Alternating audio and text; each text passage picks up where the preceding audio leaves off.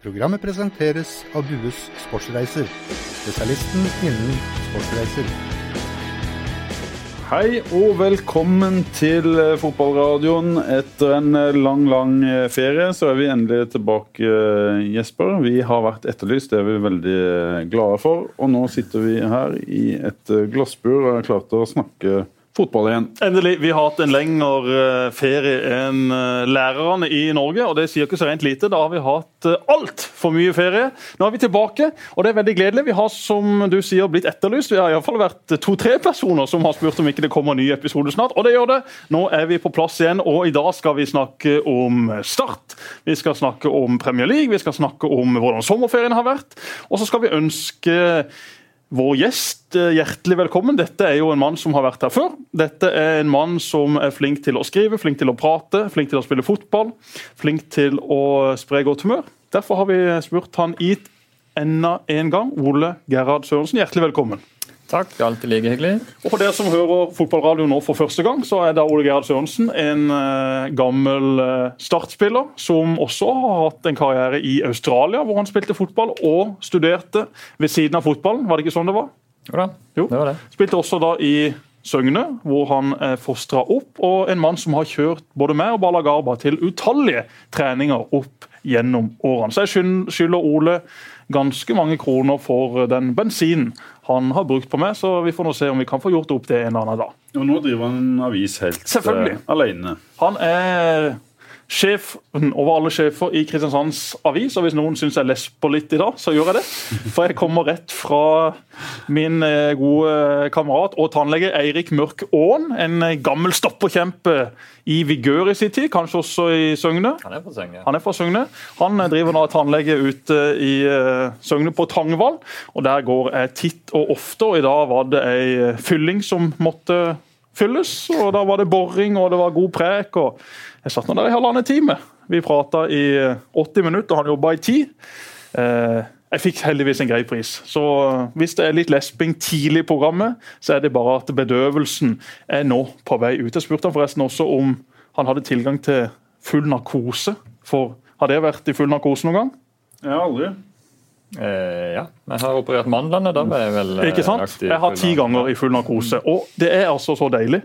Eh, det er sikkert ikke sunt å sovne til narkose hver eneste kveld. Men du vil, du vil ha ja, så jeg kunne godt tenkt meg det. Så kunne fått sånn si hver, hver torsdag. da Sovna inn med narkose. Det er klart at for men du kjenner jo altså, Jo, jo men du, kjenner, du, du, blir jo døs, ikke sant? Og så sier de OK, nå kjører vi på. De lurte meg når de gjorde det. Gjorde det? De så, nå skal vi bare sette sprøyte, og så skal vi ta narkosen. Oh, ja og så bare være vekk. Å oh, nei, nei, nei. For jeg er blitt døsig, og så sier de Da besvimte du antakeligvis pga. den sprøyten. Nei, de satt på narkosen, og så fin, de finta meg liksom sånn. Nei, nei, nei. Jeg, altså, jeg, jeg, jeg fikk satt uh, sprøyte, og så ble jeg mer døsig, og så sier de OK, da, da legger vi deg i søvn. Og så ligger du da og teller og ser hvor mange sekunder du klarer å holde deg våken, og det ligger rundt sånn fire til syv sekunder, og da er du ferdig.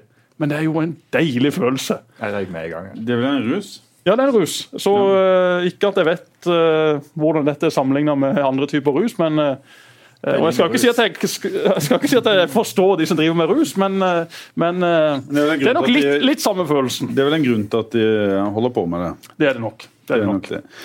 Vi må snakke litt om det som skal skje nå den kommende perioden. Selvfølgelig, Men først må vi gå gjennom sommerferien. Ja, har du hatt en fin sommerferie? Paul Jørgensen? Jeg har hatt en veldig fin sommerferie. En Standard eh, sommerferie.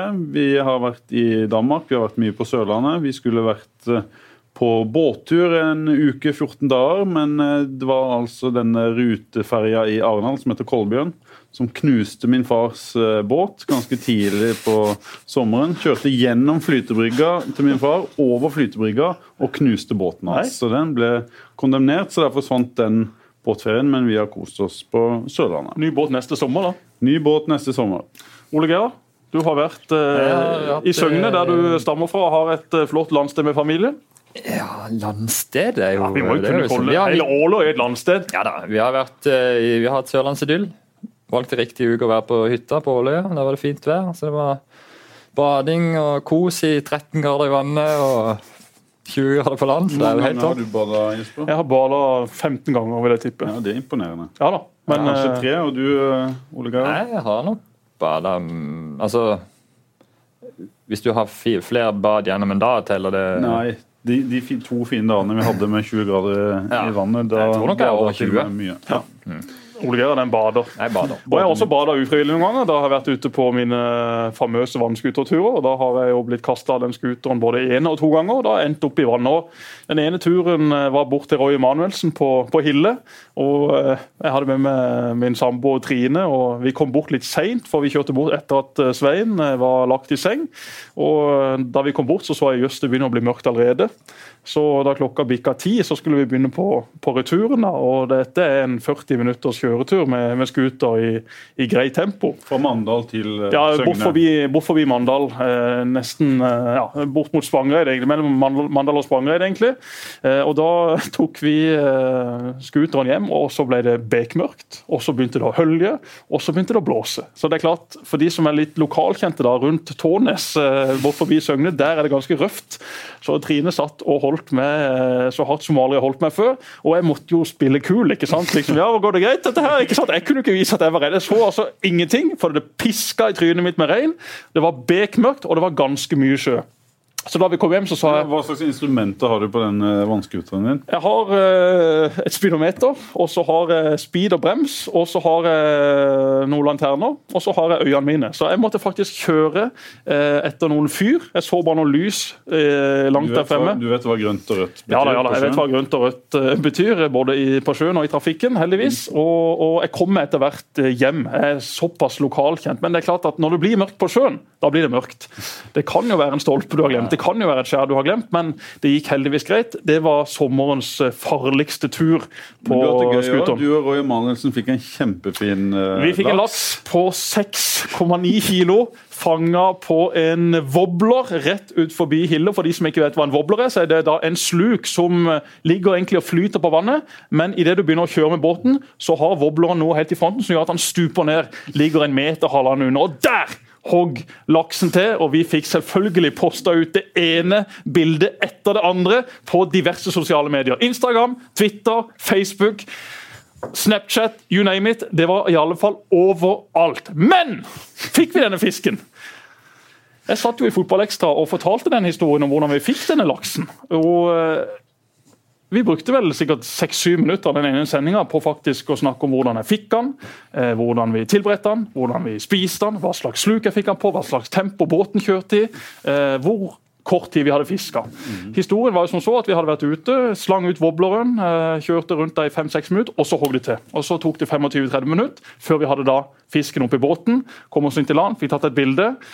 Vi tilberedte fisken dagen etter med Roys Roy Emanuelsen, eh, vår mediesjef eh, i Start, som vi kjenner godt til, han, hans eh, egne poteter fra hagen. Og Mette, da, kona til Roy, lagde en aldeles strålende saus. Men det var ikke alt som stemte i den historien. Siste, del, stemte eller? Potetene de stemmer. Ja. Sausen stemmer. Selskapet var strålende. Men denne laksen, som jeg da har fortalt til ganske mange at jeg fikk, fikk jeg jo aldri. Men det kom en lokal fisker forbi som selger laks. Selve bonden på øya. Og Roy og eh, foreldre, altså svigerforeldrene til Royda de kjøpte en hel haug av laks, for dette er jo aldeles strålende villaks tatt rett ut forbi Hille. Så, så det er sånn, men det var ikke vi som fikk han. Men da jeg kom bort til svigerforeldrene til Roy og så at han skulle til å kutte opp denne svære laksen, sa jeg hei, hei, hold den litt, hold den litt, hold den litt. Vi må få tatt et bilde, ikke sant? Og så tar vi bildet, og så sier, kommer Roy også og sier Roy, du må bli med på et bilde. Ja, ja, ingen problem. Og Roy visste jo ikke hva som var på ferde, for Roy er jo verdens ærligste, greieste fyr, så han tok jo selvfølgelig total avstand fra dette. Og så sa jeg nå må vi legge ut et bilde på Facebook. Så sier han OK, det kan du gjøre. Eh, Men ikke skriv, at vi, ikke skriv at vi har fått den. Bare, skriv liksom, bare legg ut bilder, så kan vi skrive noe sånn enkelt og greit. Altså, eh, En fin dag på jobben, et eller annet sånt. For da skriver vi jo ikke noe. Og Vi la ut bilde, men så la jeg også et bilde på Instagram. ikke sant? Og Der var det på min profil. altså Dette posta jeg hos Roy, så da må, da må blåse til. var den og Ja, ja, ja, ja, Stor var den, og 6,9, fanga på wobbler, fanga der. Eh, hvorfor er finnene kutta av? Jo, for det, det, gjorde, eh, det gjorde faktisk svigerfar til Roy mellom bildet av meg og bildet av meg og Roy. Så da kunne jeg bare legge tilbake det bildet som jeg tok alene, for da var finnene på. Eh, I alle fall. Eh, denne historien syns jeg var veldig gøy, og Roy svetta jo. Roy fikk skikkelig dårlig samvittighet, men som jeg sier, Roy, dette har ikke du noe med. Og det er klart at Når det er sånn at, eh, at eh, disse, disse folkene kommer også og spør, så er det rett og slett eh, jeg som har eh, kjørt denne historien. og jeg tar jo avstand fra det å, å, å snakke usant og være uærlig og lyve. Men det, klart, Det practical, det, er det en practical joke, eh, Ole Gerhard, som, uh, dette, som ja, det var det utgangspunktet, og dette gikk jo ikke utover noe. Men det, men det begynte å gå litt for langt, kjente jeg da, da jeg snakka med mamma på kvelden. Og hun sa jøss, liksom, du fikk ikke denne laksen, for hun kjenner meg såpass at hun skjønte at her var noe i, i gjære. Og jeg liksom klarte å overbevise henne om at jeg fikk denne laksen. For da satt jeg jo der med Roy og da tenkte jeg nå skal jeg iallfall bare kjøre løpet. Og så legger mamma på, og så tar det fem minutter, så får jeg SMS fra mamma. liksom, 'Hei, snakket med mormor og morfar. eh, De var kjempestolte over at du fikk laks. Kan du ringe dem og fortelle om mer?' liksom. Og den bare ja, Unnskyld språket, men jeg tenkte bare faen. ikke sant? Altså Mormor og morfar. Morfar har vært en fisker i alle år. Fra Skudeneshavn. Har dratt opp laks, lyr, makrell, torsk. Han har fiska mer enn alle sørlendinger til sammen. Og nå var han endelig så stolt over at barnebarnet hadde på egen hånd fått en laks på 6,9 kilo! Det skal legges til at Svein, din far, var en eh, ivrig eh, kjøret eh, fisker og laksefisker. Han fiska både på sjøen og på banen. Det har jeg også gjort til tider, men ikke så veldig mye. Og da liksom jeg fikk den meldinga fra mamma, så kjente jeg bare for første gang da, at nei, nå har det gått for langt. Men jeg måtte jo bare kjøre løpet der også. Jeg kunne ikke ringe til mormor og morfar og si at jeg hadde bare snakka sprøyt til mamma. Så jeg måtte bare kjøre på der også. Jeg fortalte mormor og morfar De får høre på fotballradioen. jeg tror ikke de hører på den, heldigvis. Det kan jo være at dette kommer mamma for, for gjøre, men det får nå bare gå. Hun ler det sikkert bort. Men mor og morfar ble iallfall stolte over barnebarnet, og jeg velger at de skal leve i den troen. Jeg vil ikke ringe tilbake til de og skuffe de. Jeg beklager til alle som gikk på den blemma. Jeg beklager til alle som trodde vi fikk en sværlaks. Det fikk vi, men vi fikk kjøpt den av en lokal fisker. Og Roy Emanuelsen, du er, som jeg alltid har sagt, helt uskyldig i denne historien. En god historie, da.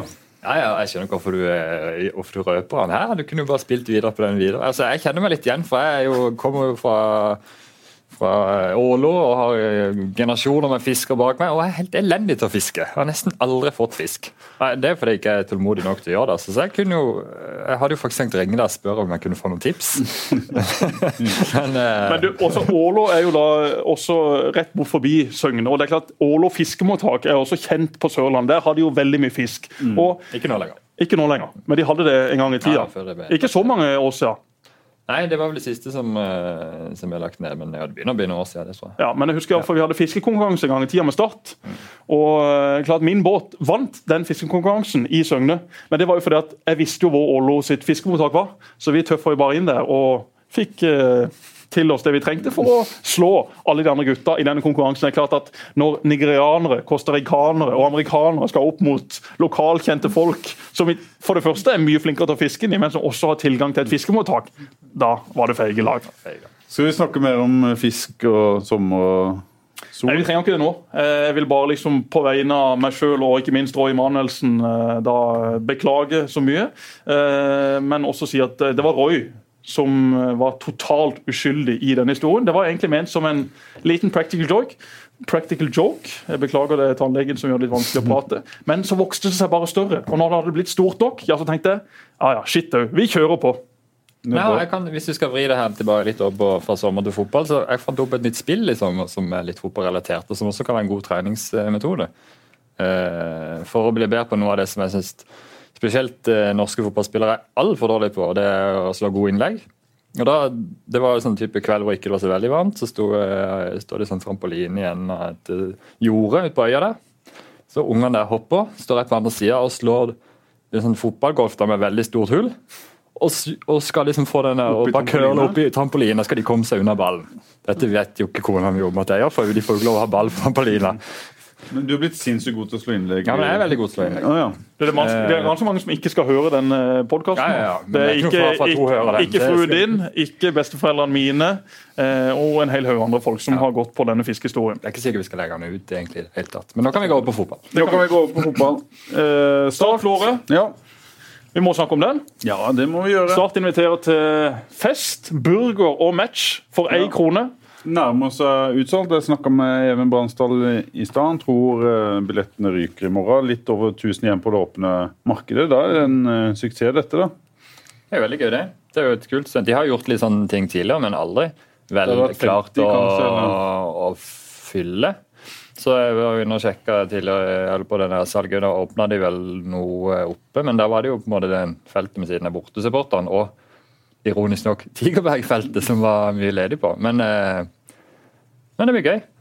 Det er jo ikke akkurat bortskjemt med fullt hus, selv om det er ikke fullt hus. da. Drømmen må jo være å fjerne de her reklameflaggene og så faktisk fylle andre etasje òg. Men eh, å fylle stadion mot Florø, det blir godt gjort. Ja, det er i hvert fall eh, holdt på å si, Fallhøyden er jo stor når du går ut og sier du skal selge eh, billett og burger for én krone. Mm. Man risikerer jo at eh, det kommer eh, 3500 mennesker, men nå er i alle fall det solgt eh, godt med billetter. og Det går mot noe som eh, ligner veldig mye på, på utsolgt. Så du håper at folk det- ikke bare går, at noen kommer for å spise burger og gå hjem igjen. da. ja, Det er jo liksom kjipt hvis det kommer Tenk å være den som 8000. Ja, men Det kommer til å være folk som gjør. Det trenger du ikke å tenke på. Ja, det- At, folk, at, folk, at, at, at enkelte folk og familier har tenkt at jøss, her kan vi få oss Ja, ja. fire burgere for fire kroner. La oss gå ned der på søndag klokka fem, og så slipper vi oppvask av hele pakka. Så kan vi gå hjem og så kan vi slappe av etterpå. Det kommer jo til å være det, men det er klart det hadde jo sett litt dumt ut hvis det kom 8000 mennesker for å spise burger, og så kom det 2900 inn på kampen. Det er klart at da hadde jo det også vært et eh, faresignal. så Det gjenstår å se hvor mange som kommer inn. Men jeg tror jo og håper jo at det blir ei veldig flott ramme rundt denne kampen. Og det fortjener Start, som ligger helt i opprykkskampen. Og så fortjener Florø det, som har nå vunnet seks strake kamper i Obos-ligaen. Et lag som var tippa nord og ned både av den ene og den andre. Et lag som har spilt sammen i en årrekke. Et lag som kjenner hverandre ekstremt godt. Har veldig godt samhold. Har egentlig alt å vinne også i denne kampen på, på søndag. Så Endre Kupen og kode Det, Men er det en fallgruve òg, Ole Gerhard? Det å invitere til åpent hus, kommer masse folk. Vi vet at eh, noen ganger tidligere når det har vært mye folk på Sparebanken Sør Arena, så har det blitt litt eh, høye skuldre. Og så kommer det et lag som alle forventer at den skal slå. Mm. Litt ja, det høye skuldre og et Florø i form og en uh, rask spiss. Det høres ut som eh, noe Start har brent seg på før. Ja, nå kan, nå, Uten at jeg husker i hodet akkurat det, så er jeg enig i det at de har vel ikke helt slått an sånn Ja, det nevnte- Sogndal hvor de var Ja. gode og vant 2-0 forrige gang de hadde et, eh, Ja. et sånn et uh, stunt det er jo litt som som jeg skrev vel det også lederen i Ukas Avis, at, eh, at når de på en måte inviterer til fest, sånn det, så er det jo liksom da er det jo opp til spillerne å levere, for det er jo på en måte en audition. der, Så skal du få folk til å prioritere det neste gang og betale en hundrelapp eller to. Folk kommer for å bli underholdt, og nå kommer det masse folk som eh, sikkert går på sin første kamp for året. Tenker at ok, dette er billig, her er det mat å få, og, og fint vær, så får vi se. Så det er jo en uh... For nytter vi rundt å snakke om en drøm og inspirere barn og unge sånn hvis en ikke leverer på banen. Da blir jo det bare tomme Nei, det må levere litt mer Det må inspirere Det må være inspirerende det som skjer også på gresset. Det, jo, det blir en litt sånn test, for dette har jo Sånn ser på sånn som sist kamp, hvor de leverer og er inspirert i mange i første omgang, vil jeg tro.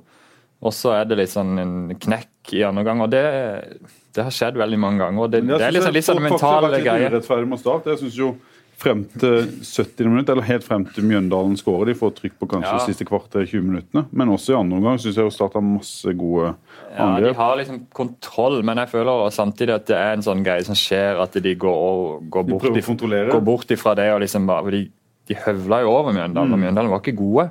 Så istedenfor å tenke ja, men nå går vi bare ut og så, og så kjører vi over og så dreper vi denne kampen, så blir det litt sånn derre OK, vi skal, vi skal kontrollere inn. og Det blir litt passiv i hodet. og Det er ikke mer som skal til. så liksom dør kampen ut, og så kan du alltid slippe inn et mål. Det, det kan jo skje når som helst. ikke Mm. sant? Men det er den derre Eh, og Det tror jeg bare ligger litt sånn i hodet. At man er, ikke har ikke den tryggheten og føler kanskje at man har litt sånn å tape. og sånn, Men at, den- bare blir det blir råere på det. da. Bare Mm. ha den der selvtilliten og tryggheten som gjør at eh, vi er bedre enn Mjøndalen. Vi går ut og skårer det tredje målet og vi byr opp til fest. For den andre gangen var jo, ikke om de hadde kontrollert inn, så blir det fortsatt det der at ok, eh, etter en sånn strålende første omgang hvor de leker med dem, Mm. hvorfor ikke bare leke videre? Ingenting Som Jarle Børstad sa her eh, i en tidligere episode. Først vinne, så ydmyke. Mm. Klart Start kunne lede 3-4-0 til pause mot Mjøndalen. Det er den beste omgangen jeg har sett fra Start i år. Daniel Aase var rett og slett i en helt egen klasse. Fantastisk å se på. Og Jeg var innom eh, Sparebanken Sør Arena for to dager siden. Da hadde Start fotballskole. Og alle ungene løper rundt og leter etter hvordan er Daniel hvordan Hvor er Daniel hvordan Hvor er Daniel Det er klart at det er jo sånne eh, kamper, sånne prestasjoner som skaper profiler, som skaper eh, opplevelser, som gjør at folk faktisk har lyst til å komme igjen. For Daniel Aase kan du betale 199 kroner for å se på i 90 minutter, hvis han er oppe på sitt beste. Thomas Ja, også. Ja, jeg var innom treninga på, på tirsdag, og det tror jeg er den beste starten jeg har sett i år. Med tempo og noen spillere som åpenbart er i veldig god eh, form. Daniel Aase, eh, Abu En kjempetrening på tirsdag. Thomas Sernikov. Vanvittig sprut i, i beina. Gjør Og han ting også med kul å se mot Mjøndalen. ja, en, en ble, spiller fikk som vel en smell i låret som gjorde at han, han uh, måtte ut, men han er i, i form, og det er enkelt å se forskjellen ja, er en Thomas spiller, og dette er en spiller som var milevis Ja. under laget for uh, to-tre måneder siden. Og det som er rart, er jo at uh, det er jo ikke vanskelig å skjønne at han var under laget. Han var svak på trening, han spilte masse Start 2-kamper og var vel i perioder en av de svakeste på Start 2, i en høyrekantposisjon riktignok. Ja. Men at det kan eh, veksle så eh, mye, og, og at eh, en spiller kan opptre så forskjellig over en så kort periode, er egentlig ganske fascinerende, syns jeg. Men han passer jo mye bedre inn i det systemet som spilles nå. Så må han jo ha fått eh, noen gode opplevelser. Han må jo ha gjort eh, et eller annet annerledes. Han må ha fått veldig mye mer selvtillit på en eller annen måte, for han fremstår nå som da han var med og rundspilte Start oppe på Mosheimoen med Vindbjart for noen år siden, da de heiv Start ut av cupen. Det er rett og slett en, en spiller Han har mye som om roller, altså. Han er jo en av de som helt åpenbart ikke har hatt en plass i det systemet tidligere. og jeg synes jo at den stallen og det er jo sagt før, at den, den kledde 4-3-3 mye Det har vi Ser- om her eh, ja, så. Segberg eh, kler det mye bedre. Eh, Sernikov har plutselig en posisjon. Bekkene kan gå eh, på en annen måte. Aas og Så har ikke Start hatt to gode spisser. Det har vi jo Nei, og nå, kan du, nå har de jo fortsatt sånn Har du én en god, ja. god nok 4-3-3-spiss? Det har de jo kanskje heller ikke, selv om jeg syns Abu er en veldig god spiller. så er han ikke en Det er ikke en 4-3-3-spiss. Nei, eller han ikke, har, har liksom ikke alt, alt som skal til, da, men han, eh, han fremstår som det beste alternativet nå, selv om Mm. kanskje ikke de man kan forventer at det kommer for mye mål fra den kanten. For han er en også kanskje en bedre indreløper enn Ja, en, eh, en i spiss eller sentral midtbanespiller. det, det syns jeg kler de veldig veldig bra. og Det tror jeg Jeg egentlig venta på at de skulle teste det. og ikke overraska over at det ser ut til å ha en mye mer balanse og mye mer sånn naturlig eh, Så Det som jeg, synes er spennende nå, den eh, treeren på, på midtbanen, som for første gang i år kanskje fungerte skikkelig. Jeg syns de var gode bort mot Bodø-Glimt òg. Selv om de, de tapte, så hadde de masse gode angrep der. Men nå får du en balanse, og egentlig sånn de fremsto på forrige lørdag, tre ballsikre midtbanespillere som, som, eh, som klarer å holde litt i ballen og, være tålmodig og finne de riktige løsningene. Det er jo en nøkkel, som Steinar Pedersen ønsker å spille.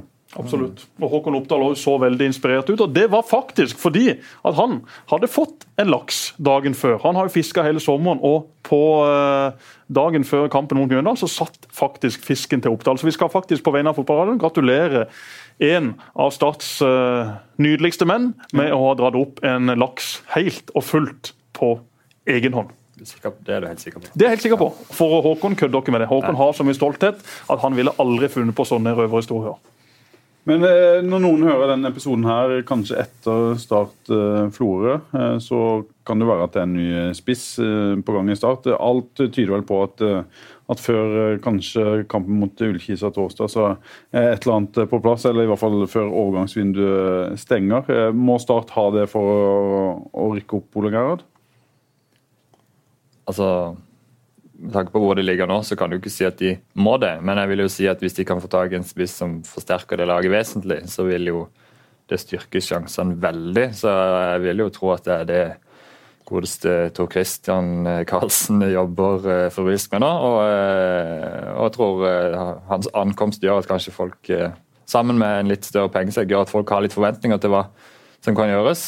Så er det klart så er det jo kort eh, kort eh, tid og, og sånne ting, men sånn som situasjonen er nå, hvor eh, altså Sigurdsen har liksom kommet tilbake og så forsvant ut igjen, eh, og Antvi har vært eh, såpass eh, mye opp og ned, og spesielt ikke mest ned i det siste, så eh, ja, det står veldig mye i falla på det. Og så Du ser Bodø-Glimt som har spiss som har skåret 15 mål. Du ser ja, ja, Nå har ikke Mjøndalen vært gode, de har to og Sandnes Ulf. De har to, spisser som skårer som går rundt ti mål. ikke sant? Og det er at Du trenger det. For Tårn er vel toppskårer med syv, og han leverte jo veldig bra fra starten der. ikke sant? Men eh,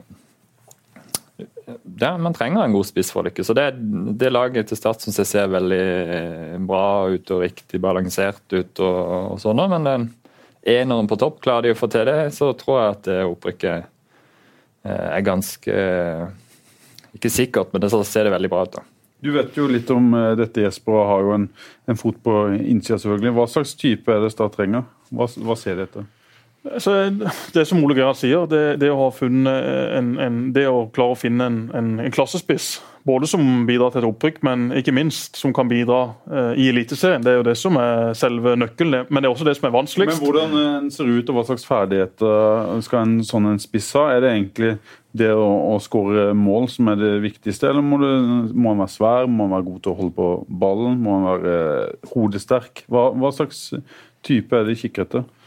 Vi kikker etter en, en, en, type som kan spille spiss eh, alene i 4-3-3. Det er tydelig at uh, Steinar uh, liker veldig godt å spille på den måten og med det spillermateriellet han har. Mm. og Da er det ikke noe vits å hente inn en spiss som plutselig skal gjøre at man må rokere om på dette igjen. Det er klart at Abu blir brukt som spiss, men han er, han er ingen spiss akkurat uh, håper jeg, i, Se for deg Eliteserien. God til å drible, OK til å holde på ballen. Ja, han, han, er, han, er, god all round. Han skal vel ikke inn noen mål på innlegg? Nei, han gjør ikke det. Han gjør ikke det. Så, så, så, må du ha, synes jeg at i det laget så, så trenger du fart, du trenger uh, fysikk, og så trenger du typer. Mm. Du trenger uh, typer i garderoben, du trenger typer på banen, du trenger en profil. Så det gjør ikke noe at du henter en, en, spiss som i tillegg til å hamre inn mål kan være underholdende å se på, som har litt mer å by på. For uh, som jeg sa, på fotballskolen så er det Daniel Aase de, mm. uh, de, spør etter. Det er han de, de jakter på. Men det skulle gjerne vært enda flere som han, som gjorde faktisk at folk hadde lyst til å betale en billett på Sparebanken Sør Arena, sette seg ned og glede seg til hva både spiss og kant og midtbanespillere skal levere. Så Det er jo det som er selve nøkkelen nå, det er å klare å finne den spissen. og der har man det er heldigvis... Vanskelig, ja, det er selvfølgelig det vanskelig. Det er enormt med klubber rundt forbi i Norge som leter etter spiss. Bare se på Brann, som ikke har klart å finne en spiss siden Lars Hanne Nilsen kom. Med all respekt for Jakob Orlov og Torgeir Børven, mm. men det er jo ikke spisser som skyter det til gull. Og Det har jo sånn sett ikke vært ambisjonen til Brann heller, for de har rykka opp. og De tok mm. sølv i fjor og de har sånn sett vært godt med i år. Men, men det er klart det har ikke vært noe hemmelighet at Brann har lyst på en bedre spiss. Mm. Det, det, det, samme har du andre klubber som, som gjør. Vålerenga har Moa, men Moa er masse skader. En dyr spiller.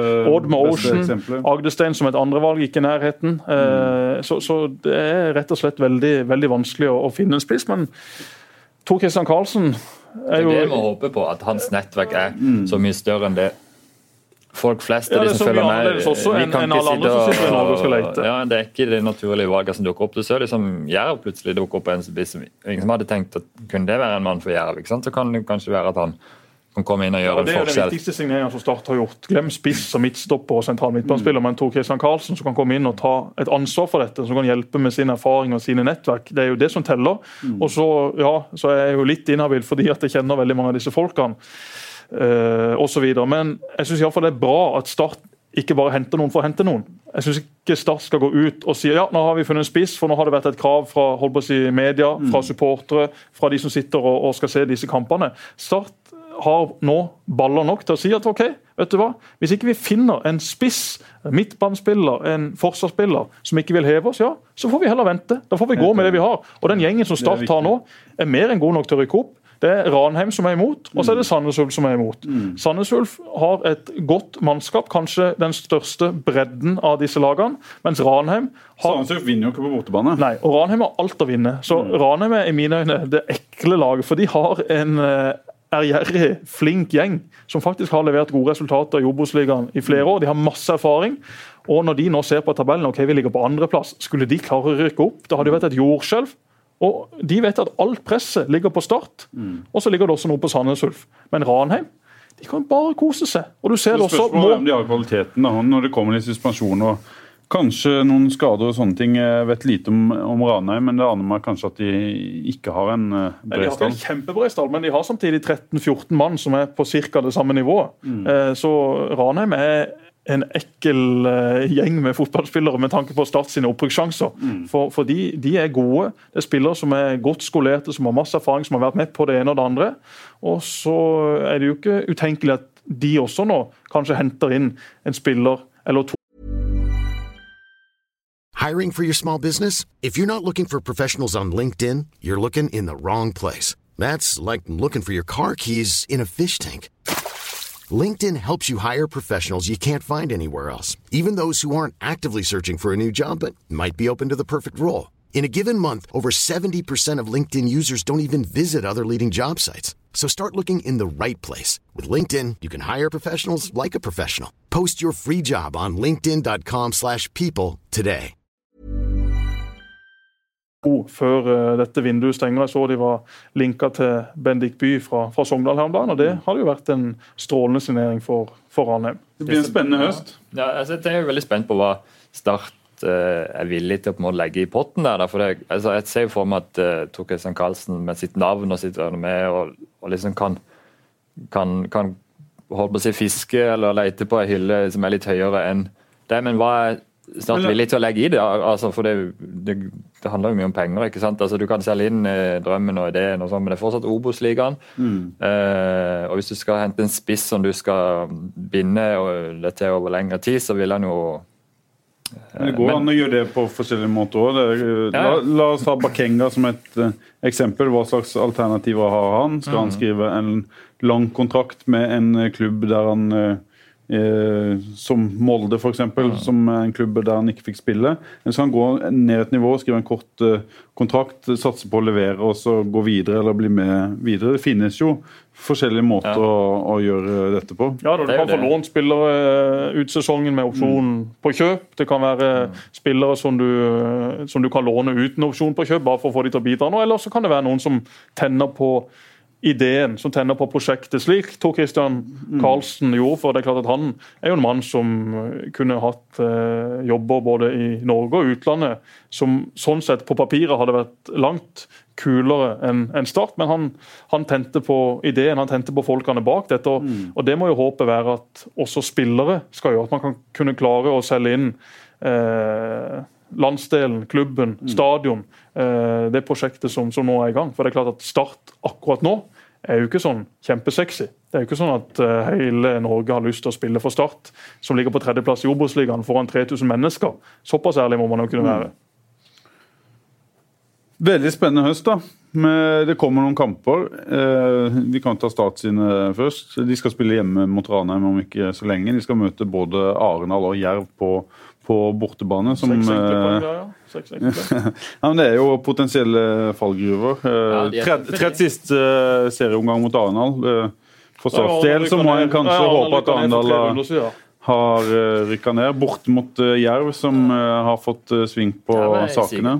Nei, det, det snakkes jo Du har jo selvfølgelig Ranheim og Ja, det er jo ikke Glimt, så det kunne de kanskje skal tenke så mye på de har det hjemme. Det er liksom sånn potensielle matchballer, men det er jo helt åpenbart to potensielle bananskaller, som de kaller det. De, de, det er jo sånne kamper som vil leve sitt eget liv, og kanskje Arendal eh, om de er fortapt eller ser, så kan, skal de love deg at de mobiliserer til akkurat den eh, kampen. Og Jerv, eh, Jerv er jo et helt annet lag nå enn det de var i starten. Og de vil jo være kjempe om den kvaliken, de.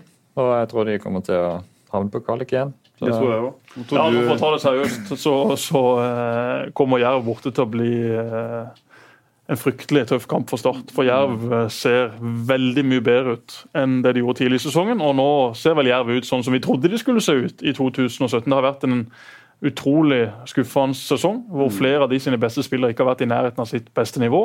Men nå har de etter hvert fått satt et Åge eh, tilbake ser ut som han er mye bedre enn han var i starten av sesongen. Der Ja. var han, pla han var plaga med, med hofta, nå er han vel frisk. Har fått en, eh, en danske som er en eh, fotballspiller, ikke vanskelig å se. God med, med ballen, kanskje ikke god eh, defensivt, men eh, en god spiller. Så har de fått han eh, Idelino eh, Gomez, som er jo eh, jeg har sett han to ganger nå. Han, eh, for meg så ser jo det ut som eh, en kjempespiller, hvis eh, han eh, har litt eh, ferdigheter som det ser ut som han har. Så får vi se, se om det er så bra som det Ja. ser ut når han skal starte. Ja, og Det er såpass jevnt i Obos at Jerv har alle muligheter til å ta en kvalik. Og så er det Arendal borte. Det er klart, Selv om Arendal allerede har rykka ned på det tidspunktet, så du vet hvordan den kampen blir. Da er det full fyr i teltet uansett, mm. på, på, på en flott bane på en flott stadion. Og, og eh, Mathias Andersson med, med roret som garantert vil være veldig opptatt av å vise så mye som mulig før neste sesong uansett. For det klart Skulle Arendal gå ned, så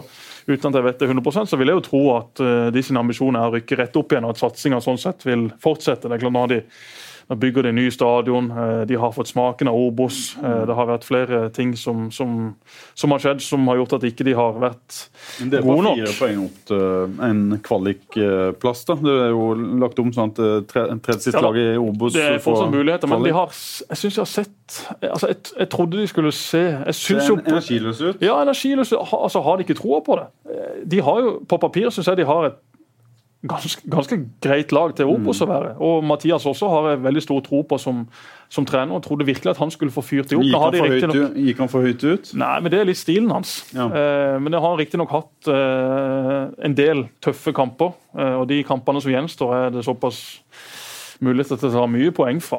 Men jeg håper, jeg håper Arendal holder seg, jeg håper Jerv tar kvalik og jeg håper Start rykker opp. Så, Mm. så blir alle happy.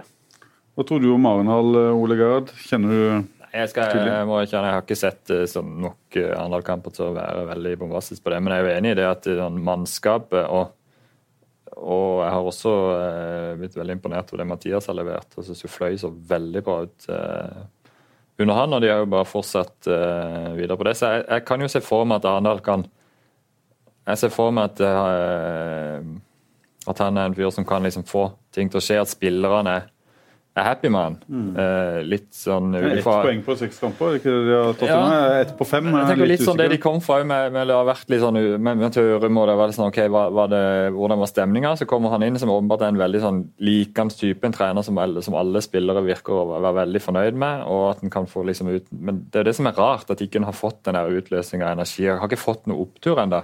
Kanskje det, og Da er det jo vanskelig ikke sant? hvis du bare fortsetter og fortsetter. fortsetter. de fikk jo noen uh, smeller mot uh, Glimt, Start Mm. og, og Sandnes, som var de tre første kampene. Kunne jo ikke egentlig fått en, en verre start enn det. da.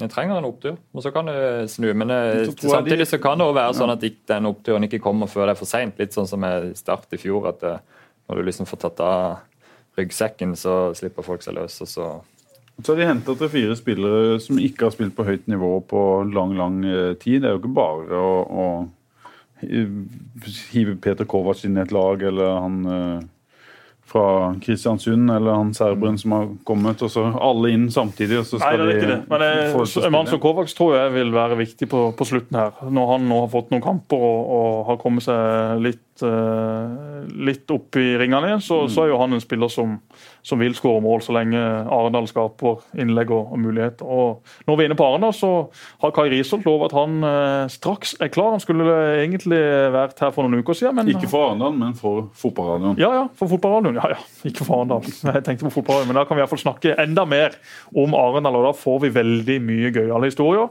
Kai som har hatt en fin sommer, har jo Spilt mye eh, tennis. Ja, spiller veldig mye tennis. Han eh, har jo kjøpt fire-fem Nike-sett og ser prikk lik ut som Roger Federer på utstyret. Altså Han har Nike-pannebånd, selv om han ikke har noe hår. Eh, Han har eh, Nike sånn svettebånd, han har Nike eh, piké, han har Nike shorts, Nike sko. Alt utstyret. Sikkert Wilson Reckert, for det er vel det Federer har, han også. Så vi gleder oss til å få Kai på besøk. Jeg traff ham på byen i, i Arendal. Da hadde han sixpence. Det, Kall meg bare Kai Lysmark. Men engelsk fotball òg. ja, Vi må innom det. Ole G. jeg, fikk jeg må bare ta den først. Ja. Jeg fikk en uh, melding her fra en kar som heter uh, Audun. Hva sier Audun? God sommer, Pål. Hvem i huleste starter i forsvar for United? Jeg har stirra på fantasy-laget mitt i tre uker og er desperat etter gode råd. Så vi begynner der, da. Jeg satt med fantasy-laget mitt i uh, Damores for første gang. Jeg gidder aldri gjøre det før helt på slutten. Og jeg hadde jo altfor lite penger. Mm. Alt for lite penger. Jeg satte opp laget mitt. Eller, eller Pengesekken var tom, og jeg mangla tre spillere. Tre spillere mangler. Helt håpløst. Men uh, vi har jo en, Det er være en av de som kan mest om United i Norge her i dag, så da Det er er det bare å sende spørsmålet til Ole.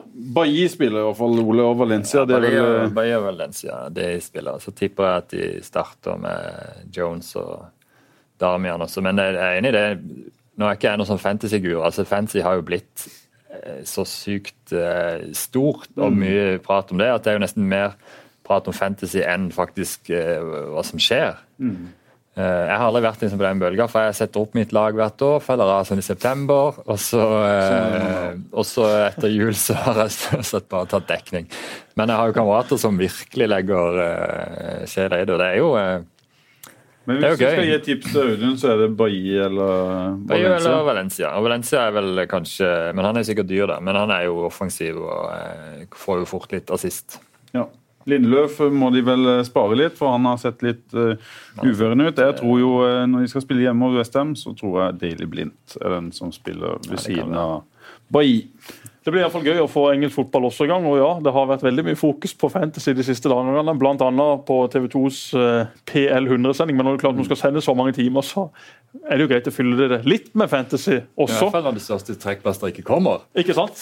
Ikke sant? Jeg skulle jo vært der hele uka. Eh, Det ble det jo ikke noe av. Så jeg har også blitt skjelt ut. Du Så skulle egentlig sove, sovet i det studioet. Ja, altså, Det er jo sikkert mange som er lei av å høre om det, men vi meg og Mats Hansen hadde et veddemål. Jeg trodde Leicester kom topp ti, han trodde Leicester kom bunn ti. Leicester eh, lå godt an før siste kamp. De klarte ikke å slå Bournemouth på hjemmebane uten Joshua King. eh, og Da datt de ned på nedre halvdel, og da måtte jeg egentlig da sove i dette studioet hele uka. Fra mandag til i dag, fredag. Problemet var jo Problemene var flere. For det første så hadde jeg ikke informert Trine om det. Hun leste det eh, på en nettside her for en måneds tid siden, og lurte på hva dette var for noe. Og jeg sa at nei, det var bare noe tull, liksom. Det, det, det må vi få løst. Og det, det måtte vi jo da, for Svein skulle ha første uka i barnehagen denne uka, Trine begynner å jobbe. Så det var klart det var mange faktorer her. og jeg skal ikke passer ikke. Nei, altså Som Davy sa, de, de som skyver eh, barn og barn, barn og damer foran seg i krigen, det er noen feiginger. Og ja, jeg måtte bare gjøre det i dette tilfellet, så det beklager jeg. At jeg ikke var mann nok til å ta straffen. opp eh. Han sendte jo det Ja. pressemelding, og det var jo en ganske lang Ja, liste med ting. Ja, vi nå måtte blitt enige om en, om, en, om en straff som liksom skal veie opp for dette. da, og da skal jeg gjøre følgende. Mats Hansen skal få 100 liter is fra Henning Olsen, levert på sin nye adresse etter eh, sommeren, når det huset står klart. Jeg må lage ny Mjøndalen-sang. Eh, Skal du det sammen? Skal du gjøre det alene, eller? Nei, det skal jeg gjøre sammen med noen. Ja. Jeg har allerede snakka med et par mennesker som er flinke, både på eh, sang og på instrumenter. Bernt Hulsker, og Bernt. Bernt Morten Hestad. Det er nok ikke Bernt Hulsker-band som blir leid inn, men eh, muligens til en eh, musikkvideo. Jeg må kalle Mats Hansen for Baron Hansen i alle oppdrag jeg har, så jeg burde egentlig kalt han Baron Hansen også i dag. Jeg skal begynne med det etter dette. Så må jeg løpe og trene i Mjøndalen-drakt med nummer ni Hansen bakpå resten av Det han, eh, året. Det får tilsendt av han. Jeg får vel også en faktura med på kjøpet som jeg må betale. Men jeg er litt i tvil etter hvordan jeg så Mats filme, eller Baron Hansen filme mot Brann. For det var pinlig. Han eh, hadde ei, eh, et forsøk på filming som nesten var verre enn det Christian Gauseth hadde bort, eller, eh, da han spilte for Bryne i sin tid. Så den var rett og slett eh, flau. Og så var det vel noe mer også. Jo, han skal ha et opphold ei uke i Kristiansand neste sommer med billetter til Dyreparken og Sabeltann. Så det ble jo en dyr mye. utgang på det veddemålet. ja. Ja, det gjør det. Men eh, jeg får nå se hva jeg klarer å deale til meg rundt forbi. Jeg skal, jeg skal på jobb, for å si det sånn. Har du lært noe av dette?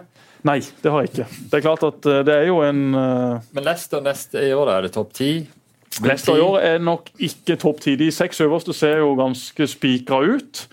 Og så, ja, vi kan godt vedde på det. altså. Vi kan godt. det. Det er jo, du sitter og snakker om en av de som har plassert mest veddemål i Norge de siste 20 årene. De har mista Drinkwater, som har vært uh, Først mista jeg Cantea, så mista jeg Drinkwater. Ja, det er ja, vanskelig. eh, Bratt. Jeg. Ja, jeg har Ekran ikke han på vei til Chelsea. Om han ikke har dratt, så drar han vel. Det er vel eh, jeg tror de aksepterte et bud fra Chelsea for noen eh, Men de, de, de seks øverste på tabellen de, de ser jo sånn sett ganske klink ut. Og så har du Everton, du har Westham, du har flere lag bak dem. Men er ingen av de som vil holde på å si, blande seg inn Er det helt noen av de oppe. seks vi bare kan sette en strek over når det gjelder seriemesterskapet? Tottenham, for eksempel, som skal spille på er, Wembley. alle er enige om at de seks er jevne og de er gode, så virker det som alle er enige at City vinner.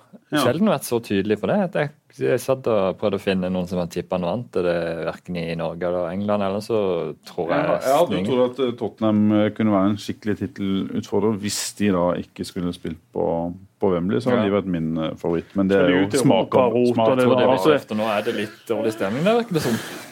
Ja, det var iallfall det, det, det, det Sun eh, hevda. Så får vi nå se hvordan det går etter hvert. Det er jo eh, gøy med litt, eh, litt fyr i teltet. Det Hvem er din favoritt, Jesper?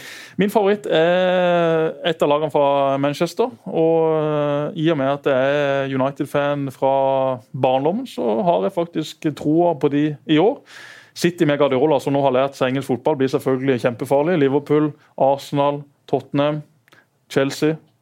Jeg har iallfall null tro på Liverpool. Jeg har eh, ganske liten tro på at Arsenal også skal kjempe om et gull hele veien inn. Eh, Tottenham har i mine øyne et eh, ekstremt godt lag som er ufattelig underholdende å se på. Og som mine venner i Oddsmodel, hvor jeg også jobber, har rata som det beste laget. Men, men, men så, Hvilket, lag Tottenham. Ja. Eh, men, men selve, selve bredden og med det de skal være med på i år, så, så har jeg ser ikke for meg at de heller blander seg inn i toppen. Så jeg tror det blir en spille mot da, Tottenham. Det er sånn at lagene når, når det kommer ut United eller Liverpool eller Arsenal for den saks skyld, og ser elveren til Tottenham, så må det være fryktinngytende med det er maskiner, Dyer, det er med. Men de skal spille på Wembley, det er ingen fordel. altså. Det å spille si, ja, Du kan godt si at ja, det blir hjemmebane fordi at du har masse folk på tribunen, og målene står på samme sted, Mm. og gresset er like grønt, men det blir ikke det samme. Sånn, eh, så, sånn er det bare. Det er veldig vanskelig å forklare. Ingen har vel De har jo hatt en sesong på Wembley som kanskje Ja. kan gjøre noe Jo, men bare med det. dårlige opplevelser. Ja. Det, blir jo selvfølgelig noe annet, men det er klart at den uh, spillestilen i sin, eh, med det presset og alt den intensiteten, ja, den kledde jo Den ble jo en del større. altså Selve Mm. matta er jo en del større. Jeg vet ikke om de har mulighet til å ta dem inn, men jeg forstår det som eh, jeg forstår det som han i utgangspunktet blir større, og det blir ikke helt den samme hjemmebanefølelsen, men jeg syns jo eh, jeg synes jo det er litt uh, fint å se at uh, og Det kan jo være det også er fordi de har sett bare kjipe, fordi at markedet er så ellevilt som det. Men Pochettino er jo ganske tydelig på at han ønsker å jobbe videre med laget sitt. og faktisk jobbe som en trener med å forbedre laget sitt og beholde gruppa, mens alle andre virker å bare være opptatt av hvem som skal kjøpes, og hvem som skal inn og hvem som skal ut. og ikke sant? Det er jo, det er jo ingen kontinuitet på det. og Det er klart, det, det er jo veldig det er jo det som jeg syns er litt uh, trist og kjedelig liksom, med fotball. Når det, selve tre, trenerfaget blir jo nesten sånn Jo, Det har jo ingen fokus, ikke sant, for det er bare- Pochettino og Wenger som har litt den uh, Ja, altså det der eh, Alt skal altså, det- Det blir sånn unnskyldning òg. det handler ikke bare om de på topp, men kanskje spesielt de lenger nede. Sånn, ok, hva skal du Hvordan skal det skal bli bedre? Nei, vi må kjøpe det og det. vi må kjøpe det og det. Og så Hvis jeg kommer tilbake for eksempel til United, der er det jo ingen klubber det er mer spillere som blir Men linka sånn til. er og vi mye her på snakk om det. Nå. Det er jo bare Ja, ja. Ja. Men det noen ganger så ser du en åpenbar eh, mangel. Mens andre ganger så er det jo sånn ok, skal, hvordan skal United bli bedre? Men det er helt åpenbart hvor de skal bli Mourinho må jo, han må jo finne laget sitt. Og så få de til å altså, bestemme seg for hvor de skal spille, hvem som skal spille. Og så med et lag med åtte-ni spillere over 1,90, så må det jo bli mye mer på dødball. De, de har jo helt, de har ingen plan på corner. Det er jo helt gratis. Bli god på dødball. Som Det- Stoke. altså, de overlever jo Premier League kun på dødball. Ja, men United er Stoke med teknikk. Ja, Det er jo men det. ikke sant, Det er jo sånn, også en gjeng med bamser. det er Og det er, jo ikke, det er jo ikke det United eh, jeg sjøl ble forelska i da da jeg vokste opp. Det er jo en helt annen måte å spille på, en helt annen måte å være på. En helt uh, Det annen sjarm. De kommer jo til å spille med Herrera. Kanskje Mata forsvinner ut av, av laget. da, men Mkhitaryan og Rashford det er jo ikke Nei da, men når De kommer ikke til Mourinho har da, men Mourinho har noen kamper i løpet av året hvor han skal stille med Stoke. ja. Det har han. Og så er det kanskje mot slutten av kamper der de, de trenger mål, og der det blir eh, Fellaini og Lukaku og Pogba. og Jeg har jo et veldig ambivalent forhold til Mourinho. Altså, jeg liker jo at han er liksom en vinnertype og alt det der. Og i og med at han er United-manager, så jeg liker han. Eh, Men eh, den grunnleggende holdninga om at hvis det virkelig er viktig og du møter noen gode, så inntar han en defensiv holdning hvor det handler om å ødelegge for de andre istedenfor å prøve å skape noe sjøl. Den går liksom bare eh, ja, rett imot min holdning. og det jeg mener United står for. Derfor så tror jeg ikke United kommer til å vinne i år. De kommer ikke til å være gode nok til å, til å, å eh, I de toppkampene, tror jeg rett de, men jeg, jeg tror de kommer til å være veldig tøffe å møte, og jeg tror de kommer til å slå veldig og, altså, Håpet må være at de vinner mot alle de lagene de skal slå, som de ikke gjorde i fjor. Også at City, som er den store favoritten, ikke klarer det. Men det er jo akkurat tipsa, eh, sånn dere snakker, det er jo eh, Kunne sikkert funnet et program fra i fjor, både på TV 2 og her og alle andre steder. En sier akkurat eh, det samme. Gullet havner i Manchester, Manchester, enten City eller United. Og så er det ikke så veldig mange som snakker om, om Chelsea, som kanskje har en, en trener som er best eh, taktisk av alle, og som får lov å jobbe i stille ro, ro og mak. Og som har nesten samme stallen som i fjor, har fått inn Morata i, i tillegg. Hvorfor, hvorfor har ikke folk tro på Chelsea? i, som en uh, mester? Det er vel fordi at uh, det fremstår jo ikke akkurat som det er ro og mak. altså Costa har jo drevet og krangla og, ja, ikke han eneste styrt, som har, de har Nei, fått altså, Conte. Conte sjøl er jo ute og sier at han ikke ville selge Matic, f.eks. Ja. Og er veldig skuffa over det. Og, det. og Chelsea drives jo veldig som en butikk, og det er litt vanskelig for manageren å forholde seg til. Mm. At det, sånn økonomisk og bedrift så er det helt logisk å selge en 29-åring for den prisen til en rival. Mm. Men for en manager som skal konkurrere mot eh, de samme laget og miste en spiller som han da brukte i hele fjor. Det er klart at det er kjedelig. Han, Chelsea er nok litt sånn som han vil ha inn noe mer. Mm. Men det er klart at de blir sterke. Men det kommer vel eh, noe mer? Det er helt sikkert det. Men det er jo men den et, er jo merkelig. Som du sier, Butikkmessig så kan han jo forsvares, men å slippe ja. en av sine viktigste spillere til en av, de, en av de, to største rivalene. Ja. Det, det, er jo, det, det bryter mot all sunn fornuft. Falma når, når eh, Kanté kom inn og at han overtok litt den rollen til, til Matic, men uh, Matic er vel også en ja, spiller Du styrker, sånn, du styrker nå iallfall en, en, av de rivalene dine kjempemye, ja. som har skreket til den typen spiller. Mm. Og det er ikke så lett å finne en spiller i den rollen som er på det nivået. For de er som regel gode klubber fra før og ikke tilgjengelige. Og så er det litt sånn kjedelig type spiller som som store publikum kanskje ikke legger merke til, men som er veldig viktig for, ja, frigjør, for disse klubbene. Du frigjør jo uh, Paul Pogba og gjengen mye mm. mer offensivt. Slipper de å ligge der nede og rote? Kan de få mm. brukt det de er best på? Det virker som det er veldig, veldig god signering. United har jo ikke gjort noe spesielt sexy signeringer, og sånn sett, men det er jo trygt og det er solid. Men jeg, eh, det er veldig spent på, på Arsenal, hvordan de håndterer det der. De, hvis Arsenal bare driter i Europa League, så kan de ha litt den fordelen at de er det eneste av de eh, topp seks-lagene som ikke eier Champions League. Arsenal. Arsenal har 33 spillere i den avstanden. De har, altså de har trippel dekning på alle posisjoner, så de kan jo sende eh, de bør jo kunne sende laget lag ut i Kan det være Tottenham i blaffen i Champions League i år ja. Og så er det liksom det Wengers siste Nei, altså mangler jo vel den der balansen som noen av de andre lagene har. De har ja. det offensive arsenalet. Men det så jo Det så bra ut når de la om til 3-5-2 i i fjor? Det, det, ja, Arsenal har jo på en måte alltid de samme styrkene og svakhetene, men offensivt så har de veldig mye å spille på. Det virker liksom litt som at Wenger tenker at dette er min siste sjanse. Uh, han tviholder på, på, Sanchez og Øzil. og liksom, Ingen skal ut nå. Dette er greia. Så jeg tror, at, uh, jeg tror han ser på dette er liksom min mulighet til å vinne ligaen. Og hvis da spillerne er på en måte såpass på hans side at de også har den følelsen at kanskje de klarer å styrke seg enda mer i ligaen, så det kan være det har jo vist seg de siste årene at det er en veldig fordel å, å kun ha én kamp i uka. Nå sier United ikke har signert noen så veldig sexy spillere. Lukaku er jo en, en stor eh, signering, eh, Jesper. Ja, Det er en bamse på topp, det. Og som eh, jeg tror vil tilføre det laget mye mer enn Zlatan gjorde i fjor. Zlatan skåra greit med mål, og på sitt beste så er Zlatan Zlatan. Men i veldig mange kamper også så syns jeg du så at Eh, ble veldig hemma at han spilte. Nå får du en spiss som kan dra motstanderne, som vil skape et mye større rom for de offensive spillerne rett bak spissen hos United. Nå blir det mye vanskeligere å forsvare seg. Du har veldig mye flere ting å forholde deg til. Du som stopper ville heller spilt mot Zlatan enn eh, Lukaku? Ja, ja. Syv dager i uka. For Lukaku som er så rask, så sterk Eh, han binder opp uh, stoppere på en helt annen måte med tanke på hvor bevegelig han, han, kan være på sitt beste. Han har også fått kritikk for ikke å være den som jobber hardest osv. Så, videre. så du får ikke inn en, ikke inn en Galilei-slav på topp nå heller, men du får iallfall inn en spiller som ved hjelp av farta si og ved hjelp av den fysikken sin kan gi midtstopperne hos motstanderlaget noe helt annet å forholde seg til, som igjen vil skape mer rom for Pogba, Miktarian og, resten av gjengen, som da kan kose seg i, i mellomrommet. Så, så det, det, tror jeg vil være en, en, bra signering, selv om jeg ikke er noe sånn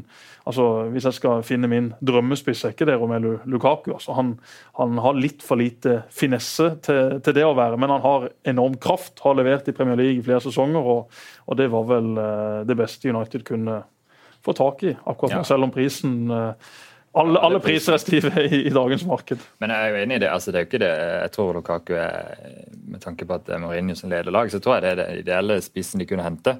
Og Jeg mener jo at United sånn sett har et lag som bør kunne kjempe om ligatittelen. Jeg er bare ikke sikker på om, om, de klarer å få det til å fungere. Altså fordi at eh, det er så mye rotasjon der. altså Det er ikke godt nok å spille med Desilinga som kant Men det kan bli godt nok hvis de bruker Martial eller Mkhitaryan. Det Mm. fins gode nok spillere der, men det er, ikke, det er ikke alltid de som spiller. Så det, så det, det blir spennende å se.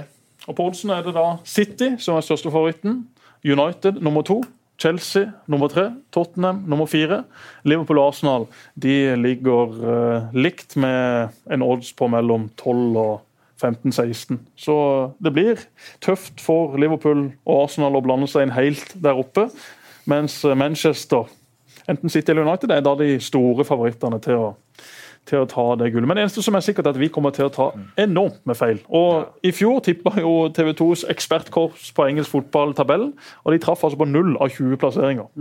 Eh, man kan godt si at man var i nærheten, og sånn, men eh, det, det bør man jo være. 100 timer på Etter 100 timer så traff man på null av 20. Så, så det sier bare litt om eh, hvor eh, vanskelig dette og hvor uh, overraska vi kommer til å bli uh, når vi sitter her om uh, ni måneder og skal snakke om hvordan det gikk.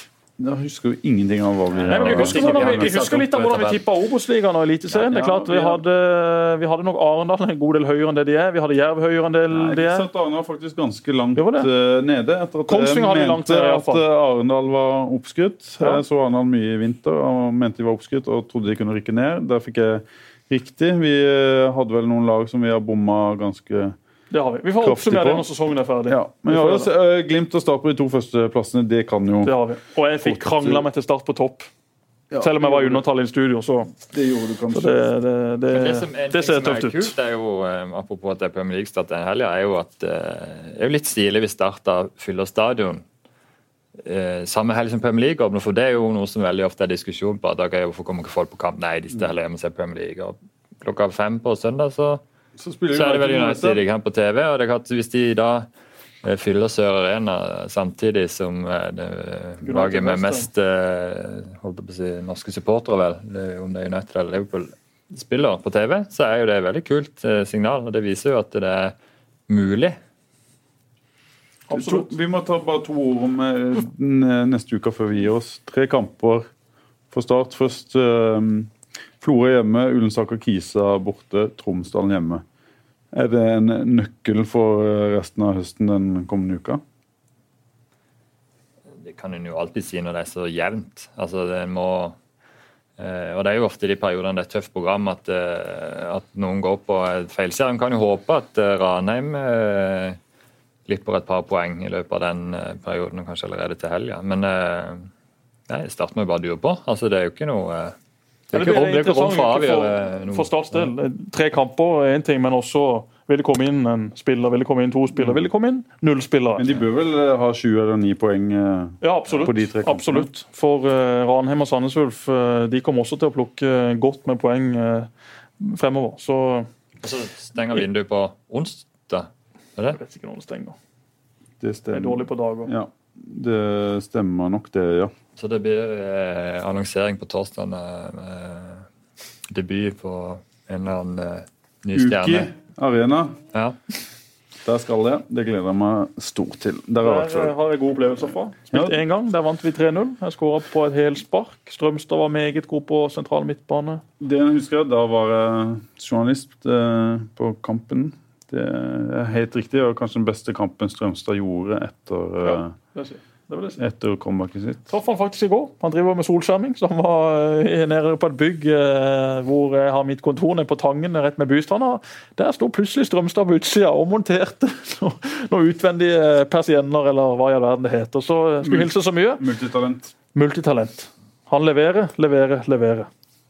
Veldig fint. Takk for at dere kom. Så er vi tilbake i neste uke. Det vi har gjort en avtale med Tore Kristian Karlsen, som vi egentlig hadde håpa å ha eh, denne uka her. Han så ringte er- Jolen og nei. ja. Så ringte vi selvfølgelig eh, superserv Ole Gerhard eh, Sørensen i stedet. Men Tor Kristian Karlsen eh, kommer i neste uke. Send oss spørsmål til hva vi skal snakke med Tor Christian Karlsen om. Både det som skal skje fremover, og det som har skjedd tidligere i hans karriere. Da går det bare inn på Fotballradioens sider på Facebook og send oss ei melding der. Innboksen min på Facebook den er full av kjeft og slakt etter at jeg ikke tok henne opp som jeg skulle gjort i dette Premier League-studioet til TV 2. Lykke Ja. til med Start, alle sammen. Lykke til med Premier League-start, alle sammen. Dette blir moro. Sitt fisken. Programmet presenteres av Dues Sportsreiser, spesialisten innen sportsreiser.